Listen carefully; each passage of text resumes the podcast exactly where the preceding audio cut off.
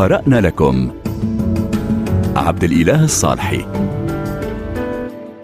نخصص حلقة هذا الأسبوع للمفكر والباحث المغربي عباس الجراري الذي يعتبر رائدا من رواد الأدب والفكر والنقد المغربي الحديث والذي وافته المنية مؤخرا بعد مسيرة أكاديمية وعلمية حافلة بالأعمال المختلفة في حقول معرفية متنوعة وتجاوزت أعماله المئة كتاب. درس الجراري المولود عام 1937 في الرباط من عائلة علمية عريقة في مصر. وحصل فيها على شهادة دكتوراه الدولة تخصص أدب قبل أن ينتقل إلى باريس حيث حصل هناك على دكتوراه حول مسلم إسبانيا ورجالاتهم في المشرق من جامعة السوربون. كتب عنه الباحث والناقد المغربي سعيد يقطين لقد نظر حياته للبحث والتدريس ورغم كل ما أتيح له من فرص لاحتلال مناصب عليا في الدولة فإنه ظل حريصا على العمل الأكاديمي والإسهام في نشر المعرفة.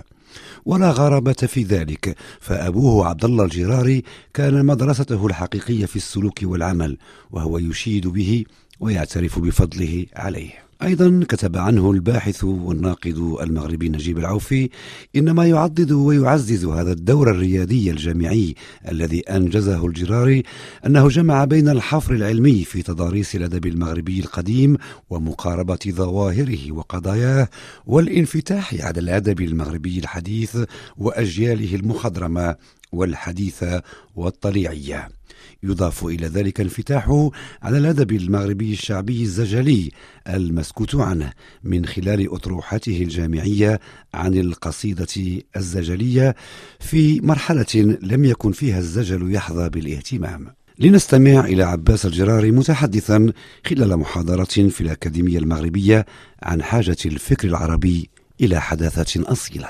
إن الإنسان بطبيعة تكوينه ووجوده وبما له من وعي بذاته وشعور بمسؤوليته في مجتمعه الصغير والكبير يسعى باستمرار لتطوير نفسه وتجديد حياته وفق ما يتيح له عصره وإمكاناته. وحتى يتسنى لهذا الإنسان أن يعيش عصره ويتصرف في التعامل معه على النحو الإيجابي فإنه ملزم بأن يعتمد على الصحيح من ماضيه مع الانفتاح على العالم وما فيه من جديد. وليس المقصود بالجديد ما يزخر به هذا العالم من ابتكارات مادية واختراعات تكنولوجية ولكن المقصود بالدرجة الأولى هو ما يتصل بالعنصر الثقافي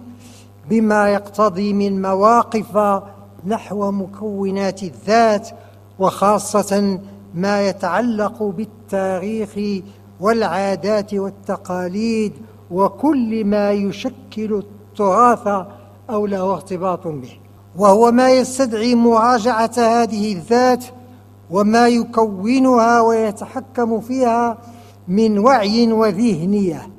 مع اعتبار مدى استعدادها للتحرر من السلبيات والشوائب التي راكمها ذلك التراث.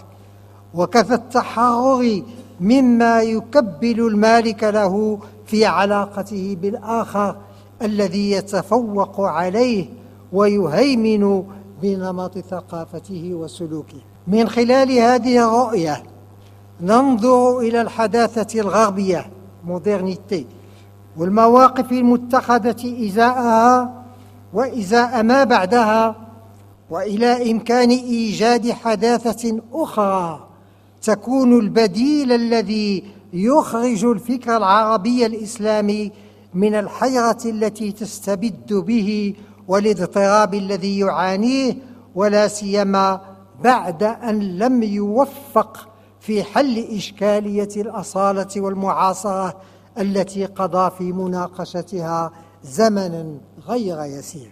وبالإضافة إلى أعماله الأكاديمية ومناصبه العلمية الكثيرة شغل الجراري عدة مناصب سياسية ودبلوماسية وعاصر ثلاثة ملوك مغاربة محمد الخامس الحسن الثاني الذي كان يعزه كثيرا ثم محمد السادس. وكل كتاب وأنتم بخير. قرأنا لكم. عبد الإله الصالحي.